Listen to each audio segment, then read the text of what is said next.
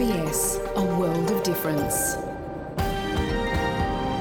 You're with SBS Dutch on mobile, online and on radio. Dit is SBS Dutch op mobiel, online en op radio.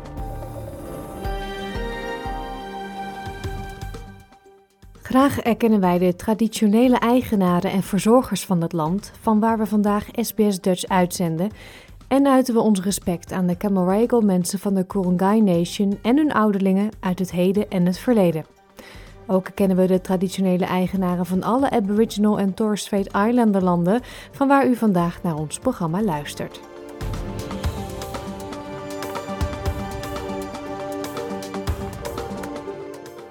Een hele goede morgen, mijn naam is Paulien Roesink. Het is zaterdag 3 februari 2024 en dit is SBS Dutch, het Nederlandstalige radioprogramma van SBS. Ik heb een heel vol programma voor u voorbereid vandaag.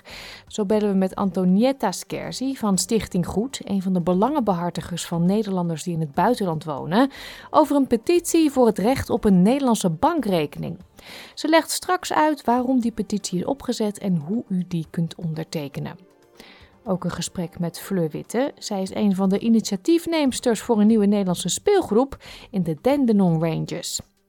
Brian Clark is een van de drijvende krachten achter het jaarlijkse WK Touch Foodie.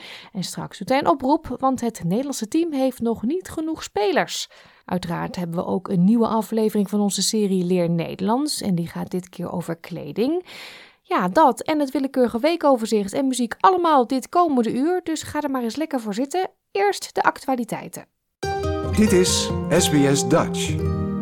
Na een welverdiende zomervakantie zijn deze week de scholen weer begonnen. Helaas kampt Australië nog steeds met een nationaal lerarentekort. Ondanks pogingen op staats- en federaal niveau om de tekorten aan te pakken, begint het nieuwe schooljaar dus zonder voldoende docenten.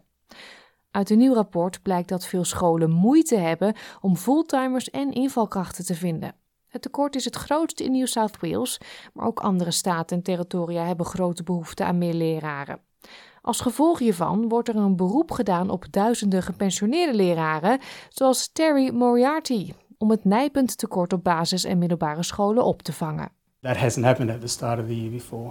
The, teachers that I know are sort of a bit like me, that we're not surprised, but yeah, we're still getting asked, whereas we thought that perhaps by now we would have reached our use by date.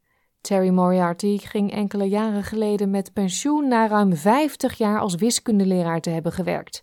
De 75-jarige keert nu terug in de klas als gewoon leraar. Yeah, I have been asked to sit in a library with another teacher and look after three or four classes in the library, and uh, walk through the hall and see it's set up to uh, take four classes at a time with a couple of teachers when the, things get critical. So that's been ongoing for the last couple of years. Uit het rapport blijkt dat eind vorig jaar bijna 2000 voltijdvacatures in het onderwijs in New South Wales onvervuld bleven. Als gevolg daarvan moesten in de hele staat 10.000 lessen worden samengevoegd of geannuleerd. In regionale gebieden zijn de tekorten nog veel groter. Onderzoek van het E61 Institute wijst op grote verschillen in het aanbod van hooggekwalificeerde leraren op middelbare scholen in New South Wales. Vast te stellen is dat het minder waarschijnlijk is dat zij in achtergestelde gebieden gaan werken. Cruciale vakken als wiskunde, Engels en science schieten naar verluid tekort. Alleen al op de openbare scholen in New South Wales is het aantal disability-docenten met 500 afgenomen. En 175 middelbare scholen zijn momenteel op zoek naar leraren Engels en wiskunde. Judith Wood, een fulltime lerares op een openbare school in New South Wales, zegt dat het haar verbaast. In my 39 years of teaching and 25 or 26 in Australia, where I am seeing early career, mid career, and late career teachers making the decision to leave the profession or leaving their permanent roles and maybe just taking on a few casual days because they are feeling the stress to such a, a, great degree that it is impacting on their health and well-being. Tegenwoordig is oververmoeidheid een veelgehoorde klacht onder docenten. Chelsea Roberts, die in Victoria een lerarenopleiding volgt, kreeg tijdens haar recente stage in regionaal Victoria te maken met een stagebegeleider die een burn-out had. Call it naive, but we go in with all these hopes and dreams. And if you've got a mentor who's burnt out, you can see how they've got to that point. But it's it's made me think, you know, when I get into this profession, will it take over my home time? Will it, you know, um, will have all this extra work to do because roles aren't being filled? Leraren in New South Wales kregen vorig jaar een loonsverhoging en werden daarmee de best betaalde onderwijzers van het land. Er worden ook beurzen en studieschuldkortingen aangeboden om lesgeven aantrekkelijker te maken. Maar Corina Haythorpe, federaal voorzitter van de Australische Onderwijsbond, zegt dat er meer moet worden gedaan. Many teachers are saying enough is enough. I can no longer work 56 hours per week every week, uh, and the you know complexity of students who are not being uh, provided with the support that they need is increasing. Een woordvoerder van het ministerie van Onderwijs zegt dat er alles aan gedaan wordt om de situatie te verbeteren. Australia does have a shortage of teachers that has been 10 years in the making, and it will take time to fix. Pay is part of it, but so is workload and so is teacher training. The National Teacher Workforce Action Plan was agreed to by education ministers and includes $337.3 million in federal funding for extra university places, scholarships, and a national campaign to elevate the teaching profession, which we launched last year. Dit was een verhaal van Oma Bello en Alexandra Jones voor SBS Nieuws, in het Nederlands geproduceerd door SBS Dutch. Gaan we maar meteen verder met de actualiteiten in Nederland. Een overzicht van enkele opvallende nieuwsberichten van de afgelopen week met dank aan de NOS.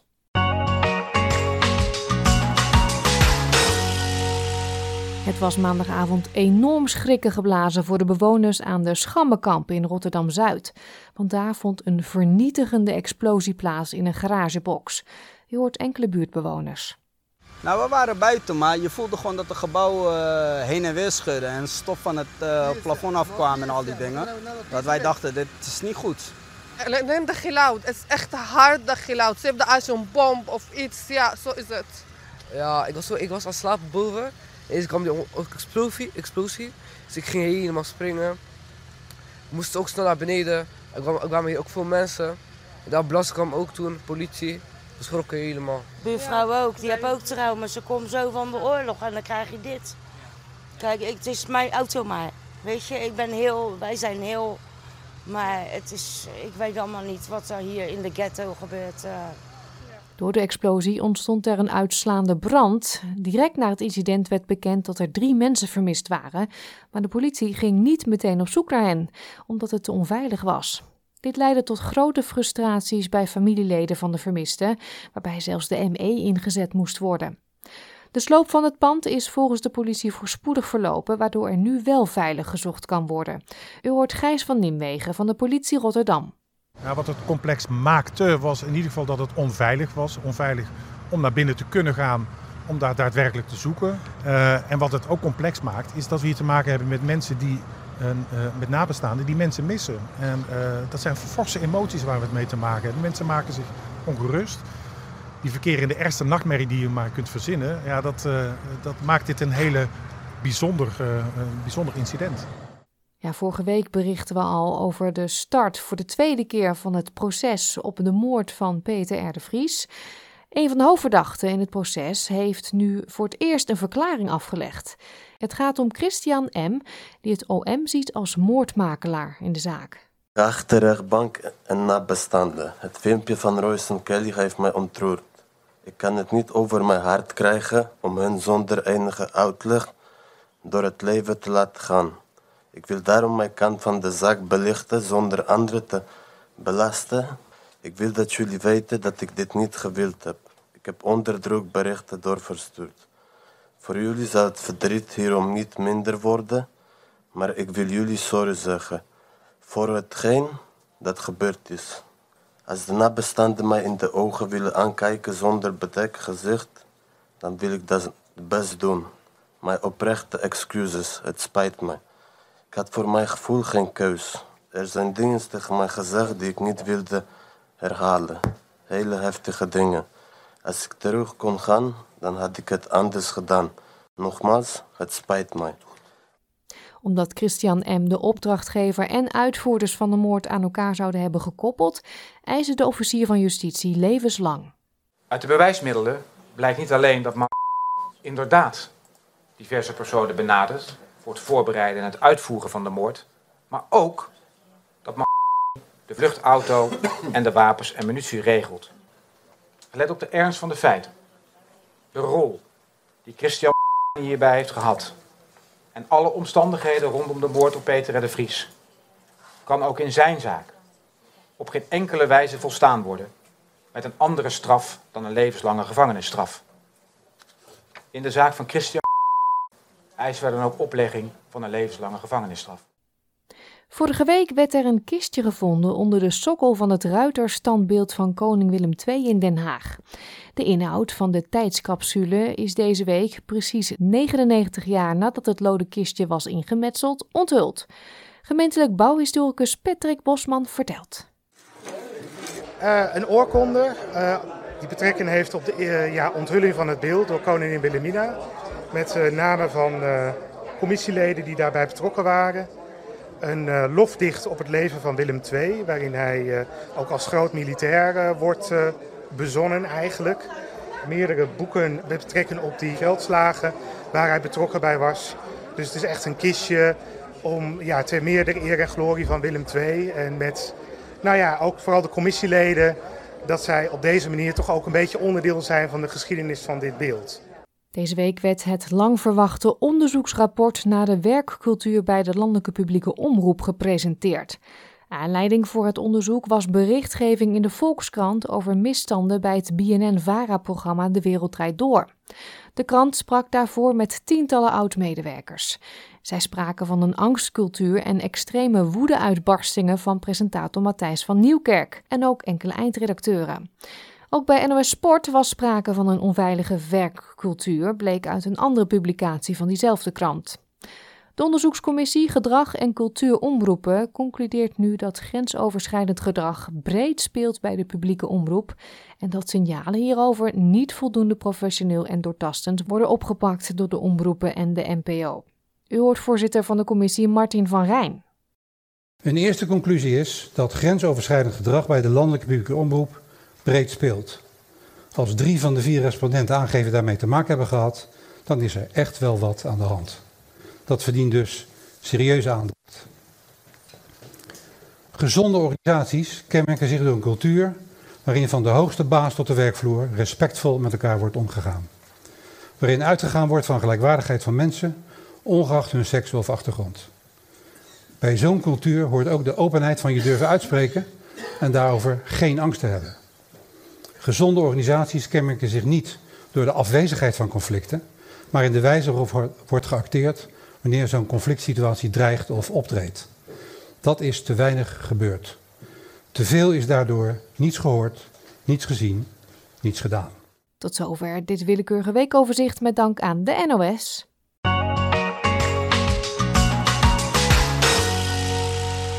Ga dan lekker luisteren naar muziek. Dit zijn de drieërs uit Volendam met De Toekomst. Nederlandse bankrekeningen van mensen die in het buitenland wonen worden regelmatig eenzijdig opgezegd door de bank.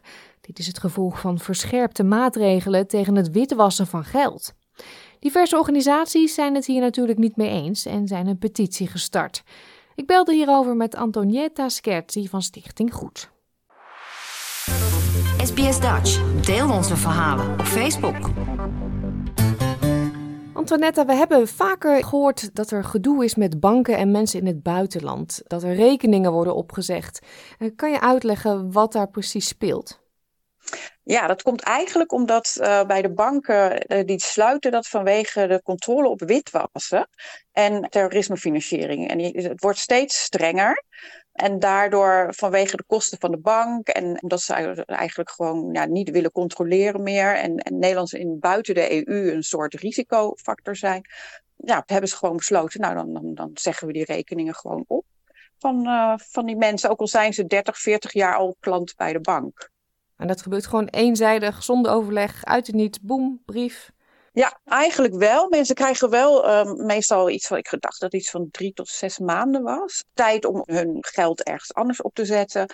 Uh, maar dat is ook wel grappig, want wat je dan moet doen om de rekening te sluiten, is bij de bank uh, persoonlijk aankloppen aan de balie en zeggen: Ik wil mijn rekening sluiten. Oh ja. Dus dat is nogal lastig voor mensen die natuurlijk niet in Nederland wonen.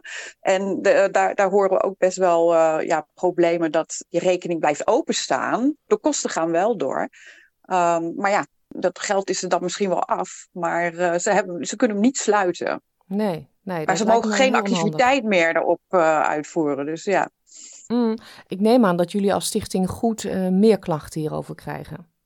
Ja, op een gegeven moment was het de um, ABN AMRO Bank en die zou 10.000 mensen, geloof ik in één keer, eruit gooien. Dat was al in 2016. En uh, sindsdien eigenlijk hebben we hebben, krijgen best wel veel ja, e-mails en, en klachten binnen van mensen. En niet alleen wij, ook de andere organisaties. En we hebben afgelopen juni vorig jaar hebben we met de drie organisaties hebben wij een bankenrapport gedaan, een enquête. Ja, en daar kwam ook dat, daar kon je echt duidelijk zien dat best wel veel rekeningen eenzijdig zijn gesloten. En ook uh, de communicatie met de bank en de klant. Het is, ja, ook kan je ook niet echt uh, goede dingen over zeggen. Dus het is. Uh, en, en, mensen zijn dan echt de dupe, omdat ze, je, hebt mensen met beleggingsrekeningen, met spaarrekeningen, met uh, opa en oma die, die een kinderrekening hebben geopend hè, voor de kleinkinderen. En ja, dat maakt allemaal niet uit. Dat wordt gewoon opgezegd zonder discussie mogelijk, zeg maar. Ja, en je zei al, dit gaat om uh, Nederlanders die vooral uh, buiten Europa wonen. Hè, daar speelt ja. dit bij. En die hebben dan de rekening op hun adres in het buitenland. Niet zoals sommige mensen doen, een postadres bij nog familieleden of zo. Nee, nee het is, meestal staat hij inderdaad op het uh, ja, op buitenlands adres. Ja, klopt. Mm. En ja. je noemde ABN AMRO net. Zijn er meer banken die zo met hun klanten omgaan? Ja, wat bij ons uh, eruit kwam uit de enquête is wel dat de ING, ABN AMRO en de Rabobank, dat zijn toch wel de grootste waar, waar de meeste bankrekeningopzeggingen zijn. Maar dat zijn natuurlijk ook de, de banken waar ja, de meeste Nederlandse bankrekening hebben. Tenminste, veel Nederlandse bankrekening hebben. Ja. Dus daarom uh, springen die er ook uit. Ja. ja. Nou zag ik dat er een petitie rondgaat online. Kan je daar wat meer over vertellen? Ja, toen wij uh, zeg maar uh, de enquête begonnen, zijn we in contact gekomen met uh, de stichting Human Rights in Finance. En daar hebben we mee gediscussieerd en van wat is nou allemaal aan de hand en wat kunnen we doen. En, nou, en eigenlijk ben ik in contact ook gebleven met deze stichting. En zij hebben nu een petitie inderdaad. Ik geloof dat we bijna 15.000 handtekeningen hebben nu. En zij gaan die petitie aanbieden 6 februari aan de Kamercommissie van Financiën bij de Tweede Kamer. Ja, en daarin staat: wij willen graag een Nederlandse bankrekening behouden. Ja, het is niet alleen voor Nederlands en het buitenland, moet ik zeggen. Want wat, wat, wat eigenlijk uh, met Nederlands en het buitenland gebeurt, gebeurt ook in Nederland. De, de, de controle wordt steeds strenger. Er zijn bijvoorbeeld kleine bedrijfjes of, of uh, ZZP'ers of, of, stichtingen waar ook de rekeningen van gesloten worden, omdat er steeds strengere ja, regels zijn. Dus het is en voor de bankrekening in Nederland en voor de Nederlands in het buitenland. En de petitie gaat echt puur om het, recht op het betaalrekening hebben voor iedereen, iedereen met een Nederlandse nationaliteit. En vermindering van die hele strikte controle en, en uh, overmatige controle in principe. Mm -hmm. De link naar die petitie komt op onze website sps.com.au Dutch.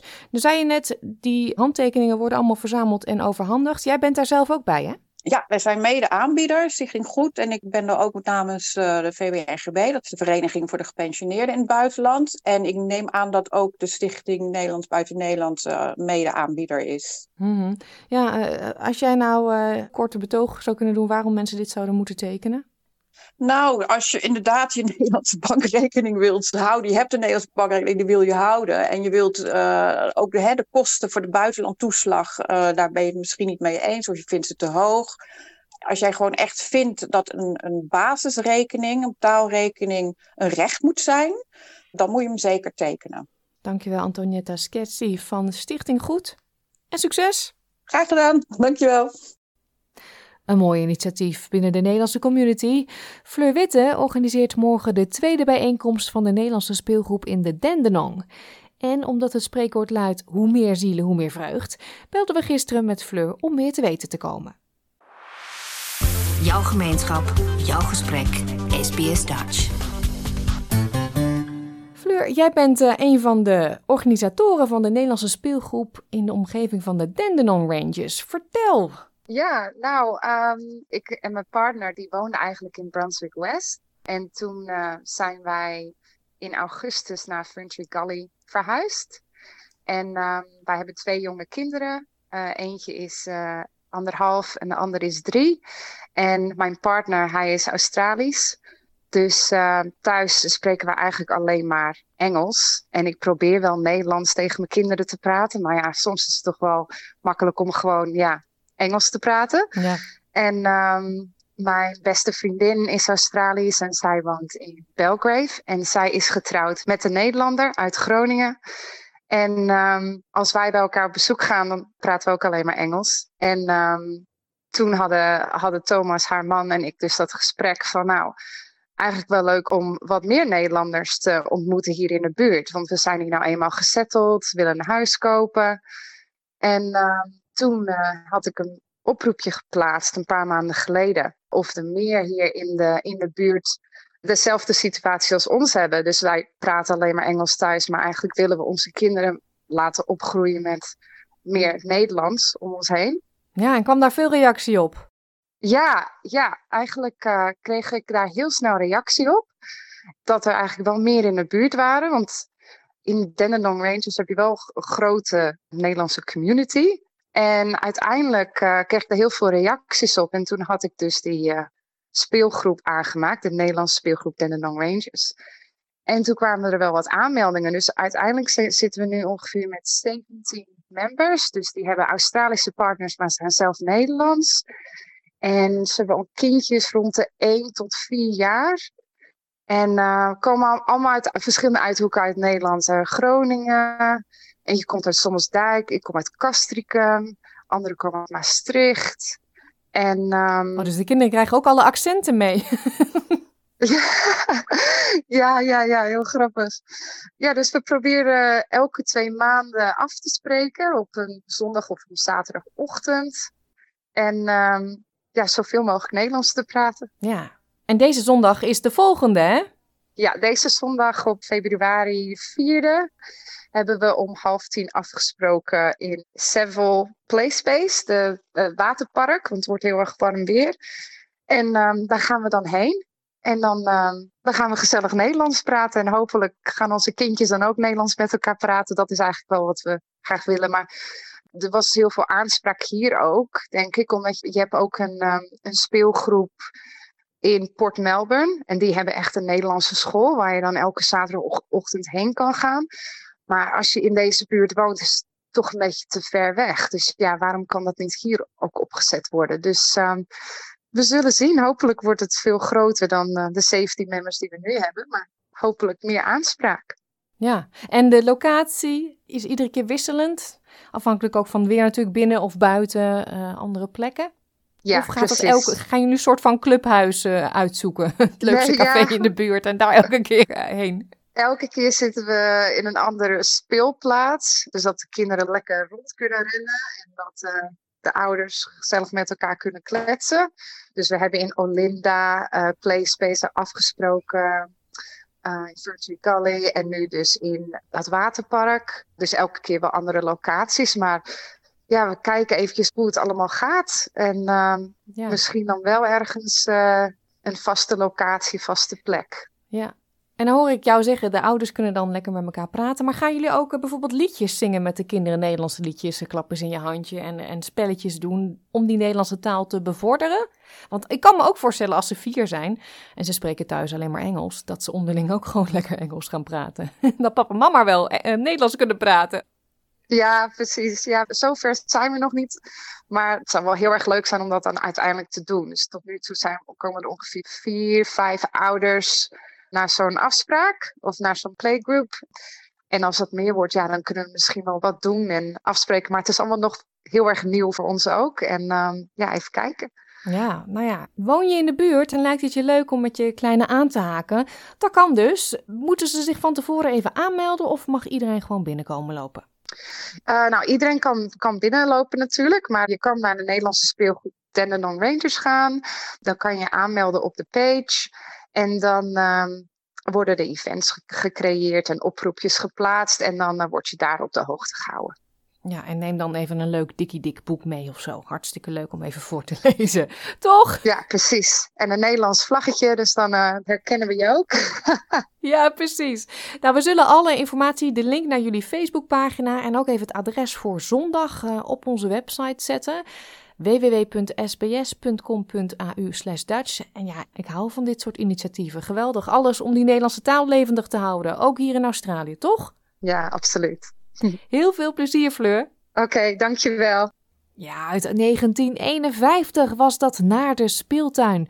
En u hoorde de toen zevenjarige Helentje van Capelle samen met kinderkoor De Karakieten en het orkest zonder naam.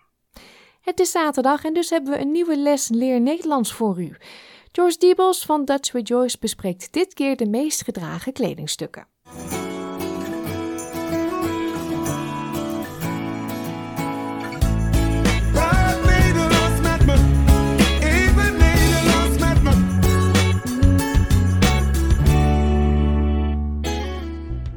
Ik ben Joyce van Dutch with Joyce, and today we have another Dutch lesson. We already discussed kleuren, which, as you might remember, are colors. Today we are discussing kleren, which are clothes. So kleuren and kleren. Hopefully you can hear the difference. The ö refers to colors, kleuren, and kleren refers to clothes. We also have another word for clothing, like in English, we have clothes and clothing. Clothing is kleding, so it has a similar ending as English. So kleren and kleding.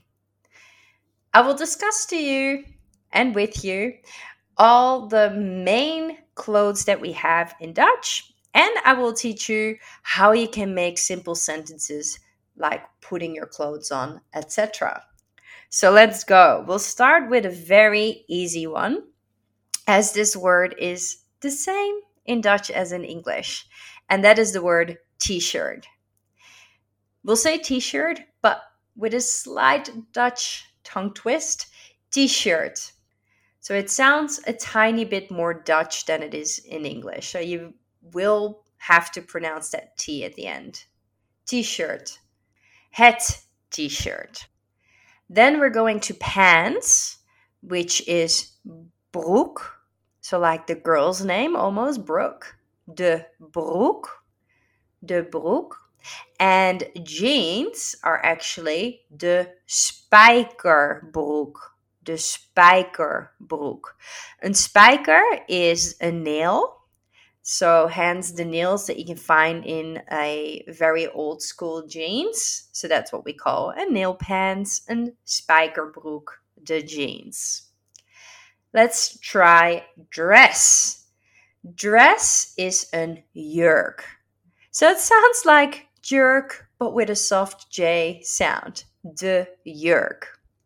Next up, shoes. So this is with a g sound in there. Other than that, pretty similar. De schoenen. De schoenen. A coat is een jas. So think jas, but obviously a bit more common. De jas. Jumper one of the most difficult pieces of clothing to pronounce. The jumper is an trui. So I resemble it always with trousers because that is usually a word that we do remember, even though it's nowhere near a jumper. But think of trou, but with an au sound. De trui. Socks. Again, very similar, but with a Dutch plural. De sokken. Eén sok. Twee sokken. And last but not least, underpants. Under is onder, and pants we know is broek. So underpants are onderbroek. De onderbroek. Now let's try and make some sentences with these clothes. first off, we can say that we have a piece of clothing. So if I want to say, I have a t shirt, you can say,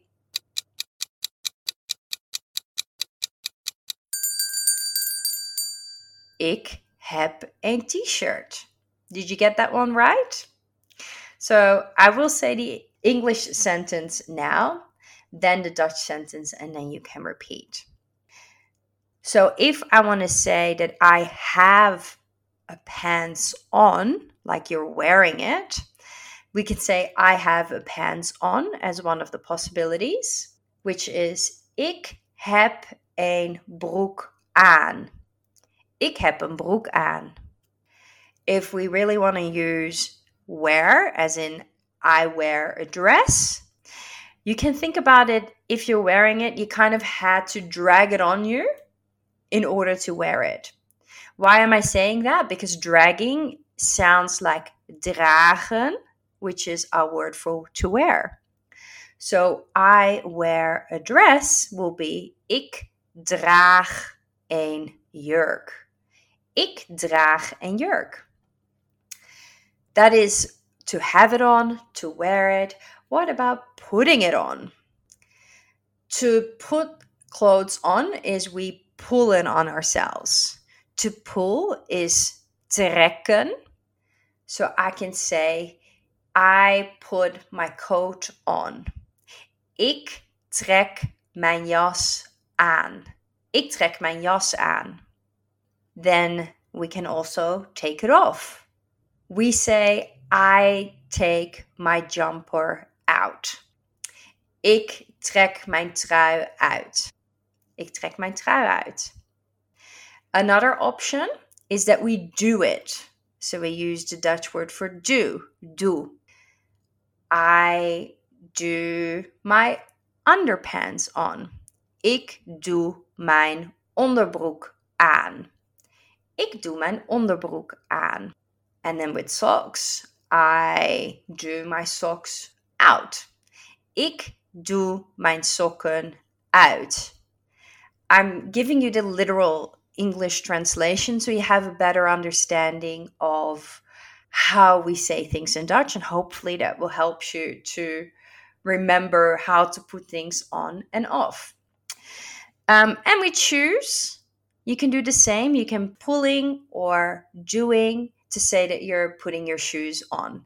So we don't use the word for putting to putting clothes on as such. So if I want to say, I put my shoes on, then you can say,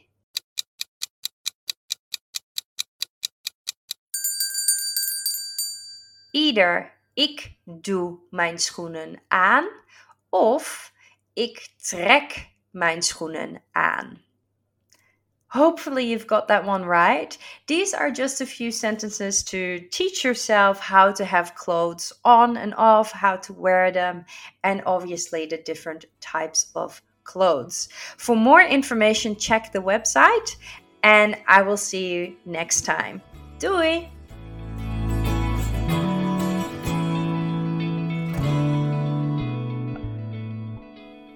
Alle oefenzinnen staan op onze website, net als alle eerdere afleveringen van Leer Nederlands. Ga naar www.sbs.com.au Dutch. Op de homepage klink rechtsbovenin op podcastseries en daar vindt u dan ook Leer Nederlands. Een bedrijf starten in Australië biedt verschillende voordelen. Australië ondersteunt innovatie en ondernemerschap met een solide infrastructuur deskundige arbeidskrachten en overheidsinitiatieven die de groei van kleine bedrijven stimuleren door middel van subsidies en belastingvoordelen. Dit is SBS Dutch. De levendige economie van Australië en het ondersteunende ondernemingsklimaat bieden een uitzonderlijke kans voor ondernemers. Het starten van een klein bedrijf hier kan zeer lonend zijn, of u nu een uniek idee heeft of een passie heeft om er een winstgevende onderneming van te maken. Nadine Connell is directeur van Smart Business Plans Australia. Ze is van mening dat Australië een van de meest toegankelijke plekken ter wereld is om zaken te doen. There's competitive tax rates. It's a simple GST system at 10%. It's simple ABN setup. There's a lot of government incentives out there through grants. I think there's more than $70 billion offered um, Australia wide. And there's really clear regulations and allowance for you to be innovative. Abdallah Abdallah, een economisch analist gevestigd in Sydney, zegt dat Australië beschikt over een stabiele economie.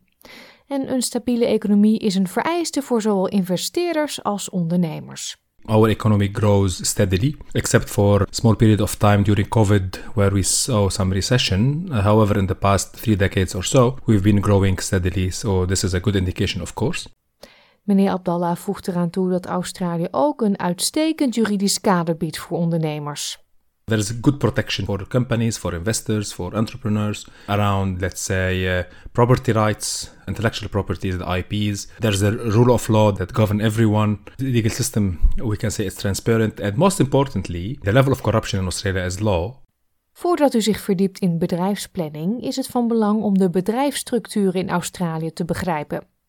Bedrijven kunnen worden gerund als sole trader, company of partnership. Iedere vorm heeft zijn eigen specifieke verantwoordelijkheden en wettelijke vereisten. De heer Abdallah zegt dat elke bedrijfstype een andere manier van werken kent, afhankelijk van uw zakelijke ambities. If my aspirations is to be like local small business doing some small services regionally, let's say, or um, in my suburbs, I don't have a plan to grow it, then maybe I would consider having a sole trader or a partnership. But if my aspiration is to grow the company as a brand itself, to create a value in this brand, and maybe later on sell it or sell part of it, then a company would be better. And we have seen many companies that have started very small in garages and now their brand is worth multi-billion dollars. Nadat u uw bedrijfsstructuur heeft gekozen, moet u uw bedrijf registreren en ervoor zorgen dat de lokale wet en regelgeving wordt nageleefd. Mevrouw Connell zegt dat het een goed te overzien proces is en dat er voldoende hulpmiddelen beschikbaar zijn om u te begeleiden. De meeste informatie die nodig is om u als sole trader te registreren en een Australische bedrijfsnummer, een ABN, aan te vragen, is beschikbaar op de website van de overheid van uw staat. So you can get that done very, very quickly, and then you won't be needing to register for GST until you hit $70,000 in terms of revenue. So you don't need to set that up straight away. Bent u van plan een bedrijf op te richten, dan adviseert de heer Abdallah om naar een accountant te gaan die u kan helpen bij het aanvragen van een Australian Company Number, ACN, bij de Australian Securities and Investment Commission. A number that would be unique for this particular business or company. This is from, from registration as legalities. Then we have to take tax into considerations. For companies, we have to register a separate tax file number. Remember, for sole traders, the business is linked to their own tax file number. There's no differentiation. But for companies, companies have to have their own TFN. Bent u van plan werknemers in dienst te nemen, dan moet u zich ook registreren voor een pay-as-you-go withholding. U hoort nogmaals meneer Abdallah. Which is the way we withhold the income tax from employees and then pay it to the government. This is from registration perspective. Some other business require licenses, permits, etc. And there are different insurance as well, different insurance schemes that might be required for different business. Hij benadrukt het belang van het begrijpen van aanvullende wettelijke en nalevingsvereisten, waarvan ondernemers op de hoogte moeten zijn om potentiële valkuilen te vermijden. Deze vereisten omvatten onder meer het afsluiten van verzekeringen, zo legt mevrouw Connell uit. There's general business insurance, there's professional indemnity insurance if you're providing a service, you've got product insurance, you've got, you know, food handling compliance if you're part of that business. So again, it depends on the type of business that you're operating, but everybody will need some level of insurance. Public liability insurance if you're going to have people coming into your, your place of business as well. Een ander belangrijk aspect om te overwegen is het schrijven van een goed uitgedacht businessplan. Dit wordt door velen vaak gezien als een routekaart naar succes. Mevrouw Connell zegt dat het onderzoeken van uw markt de eerste stap is. Researching your market, knowing who your customers are, how big your market is, where you are operating in your location if you have a physical store, what else is out there, who are your competitors, what you're going to be selling your price your products for and who you're selling it to. So if you can be very clear on those components, then you can position your product or service in the market in the best possible way. Heeft u financiële steun nodig bij het opstarten van uw bedrijf?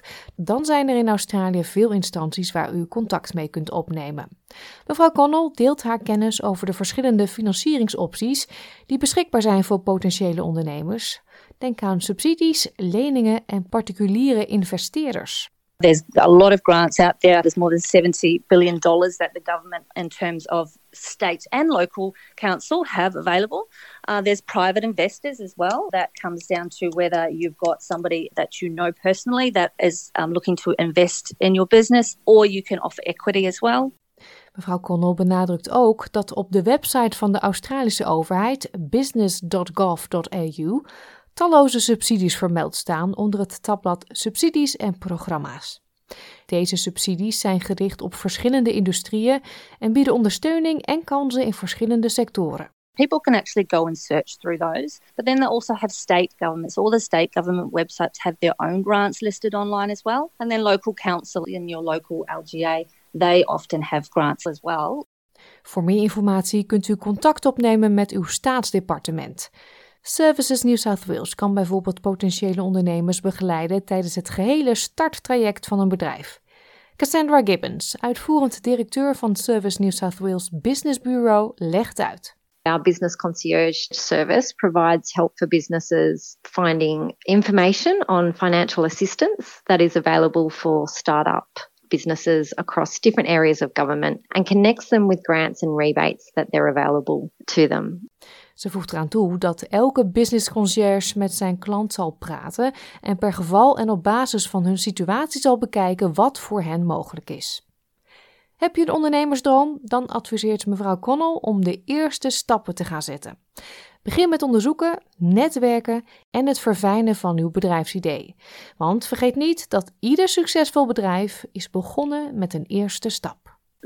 Biggest misconception would be that you have to have a lot of money to do it. You don't have to reinvent everything all at once. You don't have to go from zero to 100.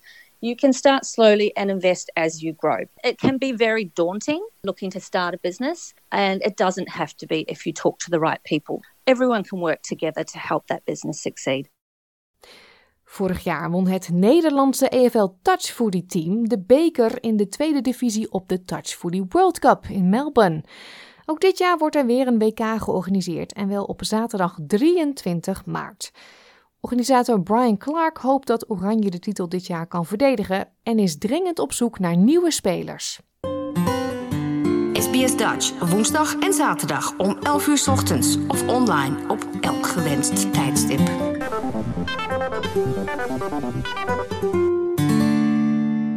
Brian, it's that time of the year again. The Touch Footy World Cup is coming up in Melbourne. And um, we spoke, I think, three years ago about the same event. Um, you were looking for Dutchies at that time to complete the team. And I'm surprised you're looking for Dutchies again. Are we so hard to get? No, not so hard to get. We um, actually had a really good team last year. The uh, the Dutch team, the Dutch Lions, competed in Division Two and actually won Division Two. They won the trophy, which was amazing. Um, but as as happens every year, you know, people move into state or they go back to the Netherlands, etc. So we definitely need a few more players to make up the team for this year. Mm-hmm.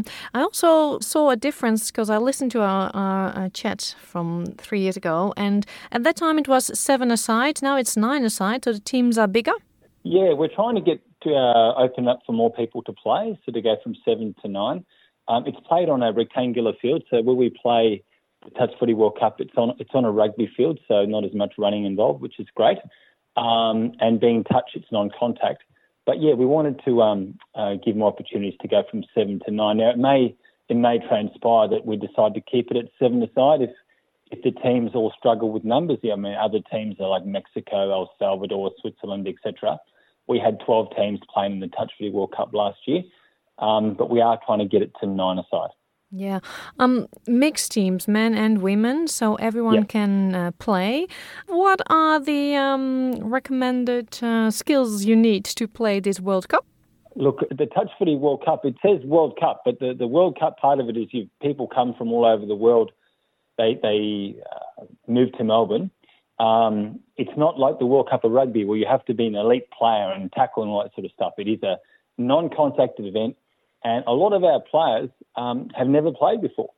Uh, the event is, is basically designed as you get to represent your community and your country of origin in, in the Australian game. But do you have to have uh, AFL standard? No. If you've got no skill, um, you don't know how to kick a ball, you don't know how to handball, come along. We have training once a week and we'll teach you how to play. Yeah, no skills necessary. Um, I'm from the eastern part of the country, NRL territory. I don't understand anything when I watch AFL. I try sometimes, especially when the finals are on. In my opinion, you can do whatever you like. You can kick, you can tackle, you can do whatever on TV, right? Yeah. Well, look, the thing is that people have never seen the game before. They think it's uh, a very violent game. Obviously, with the Touch Footy World Cup, there's no tackling, but if you look at the AFL that's played on the TV, people think sometimes there's no skill. And In fact, the best description I ever heard from somebody who was new to the game, they went to the MCG, and, and you know how there are 18 players per team. In their opinion, it was 36 men trying to catch a chicken. Um, and I thought that was hilarious. That's great. Never forgotten that. Um, so it can be a, a bit chaotic on the outside, but when you come into training, we teach you not only um, how to kick, but where to kick and the strategies. It's actually a very skillful game. It's basically the best way to describe it. It's it's soccer, but played with an oval ball because we it's it's a game played like soccer where you don't just kick to a contest. You, you try and kick to a man that or a woman that's open like like soccer. You do that as well. You you kick into space. Um, so it's it's very free flowing like soccer, but a much better game. You, you had a career in footy, right? Uh, not at the AFL level, but I played 17 years of footy up in the NT. So I'm originally, uh, my mum's Dutch. I was born in Amsterdam. Uh, out of all places we could have moved to uh, in Australia, we moved to Darwin. So went from uh, quite cold to uh, bloody hot, and um, and footy is the number one sport up there by a long way. Mm, yeah. So, what drives you to organize this World Cup for all these people who maybe are not really confident with the sport to, you know, to organize this event? I just think sport's a wonderful thing for bringing people together, um, and particularly, you know, with with some of the um, some of the crap going on in the world at the moment, that that sport is just so good for bringing people together. Our trainings, which we run every Wednesday in the city, which is at Gosh's Paddock, which is right the rugby field right next door to the uh, soccer stadium, Amy Park. Um, our trainings are attended by all different nationalities and cultures. So we bring all these people together, which is fantastic. You get to learn about other people, and then you get to play against them in events like the Touch Footy World Cup. So I think if you're uh, a Dutchie that's that's come here and don't really have much of a network, um, you know, you can welcome to come along and join us you might be a Dutchie that's been here for a long time and have always wanted to give Aussie rules a go as well. You're welcome to join us. But yeah, at the end of the day, what motivates me is yeah, just bringing people together. Yeah, ever thought about bringing the sport to the Netherlands? Yes. Now, on that point, um, we are actively seeking the inclusion of what we call footy nines. So it's not we don't call it AFL Australian football. We're actually trying to get footy nines included as a demonstration sport in the Olympic Games in Brisbane in 2032 and we've been having lots of discussions about that um, with various people. When I mentioned it a few years ago, people thought I was uh, but um, the thing is that flag football has recently been included as the as a demonstration sport in the Olympic Games in LA. So flag football is the non-contact version of uh, American football. So if we can have the American sport in the American Games, why can't we have the Australian sport and the Australian Games? And to answer your question, if, if there's an Olympic angle, it's a much better way to recruit people to play a new sport. And being from the Netherlands originally, to take it back to the Netherlands and have people playing the sport would be, oh, that'd be a massive thrill. Yeah, I can imagine. And last question I saw your message on Facebook. You were asking for Dutchies if they wanted to play and they could send mm-hmm. you a message. Did you get any response? Yes, we've had lots of good contacts from uh, from Facebook of people that are keen. We invited them down to training. Um, so just to repeat that, we train Wednesday nights at Gosh's Paddock, which is the rugby field next to Amy Park, the soccer field in the city. We train from 6 p.m. to 7:30 p.m. And we've got a mixture of uh, new Dutch guys and new Dutch girls who are keen. So um, we're looking forward to seeing them at training. And um, we'll be training every Wednesday up until the Touch Footy World Cup, which is on the 23rd of March. Um, so if you want to play for your country and represent the Netherlands and pull on the famous orange footy jumper, you're more than welcome to join us. Well, people, uh, let's go on the field and play. It sounds awesome. Uh, unfortunately, I'm in Sydney. Oh, you, you won't be able to make training. No, that's a shame. But I wish you all the best and all the Dutchies. And um, at the time, around the 23rd of March, we're going to call again to uh, hear how it went. Dankjewel.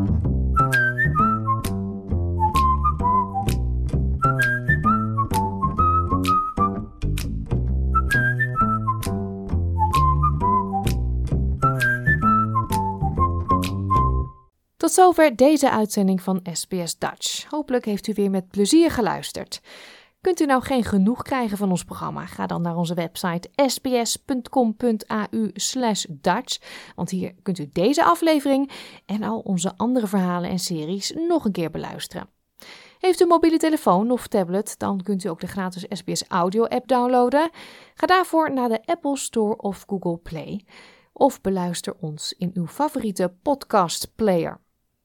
We sluiten deze aflevering van SBS Dutch af met Lee Towers en I Can See Clearly Now. Ik wens u een heel goed weekend. Dag!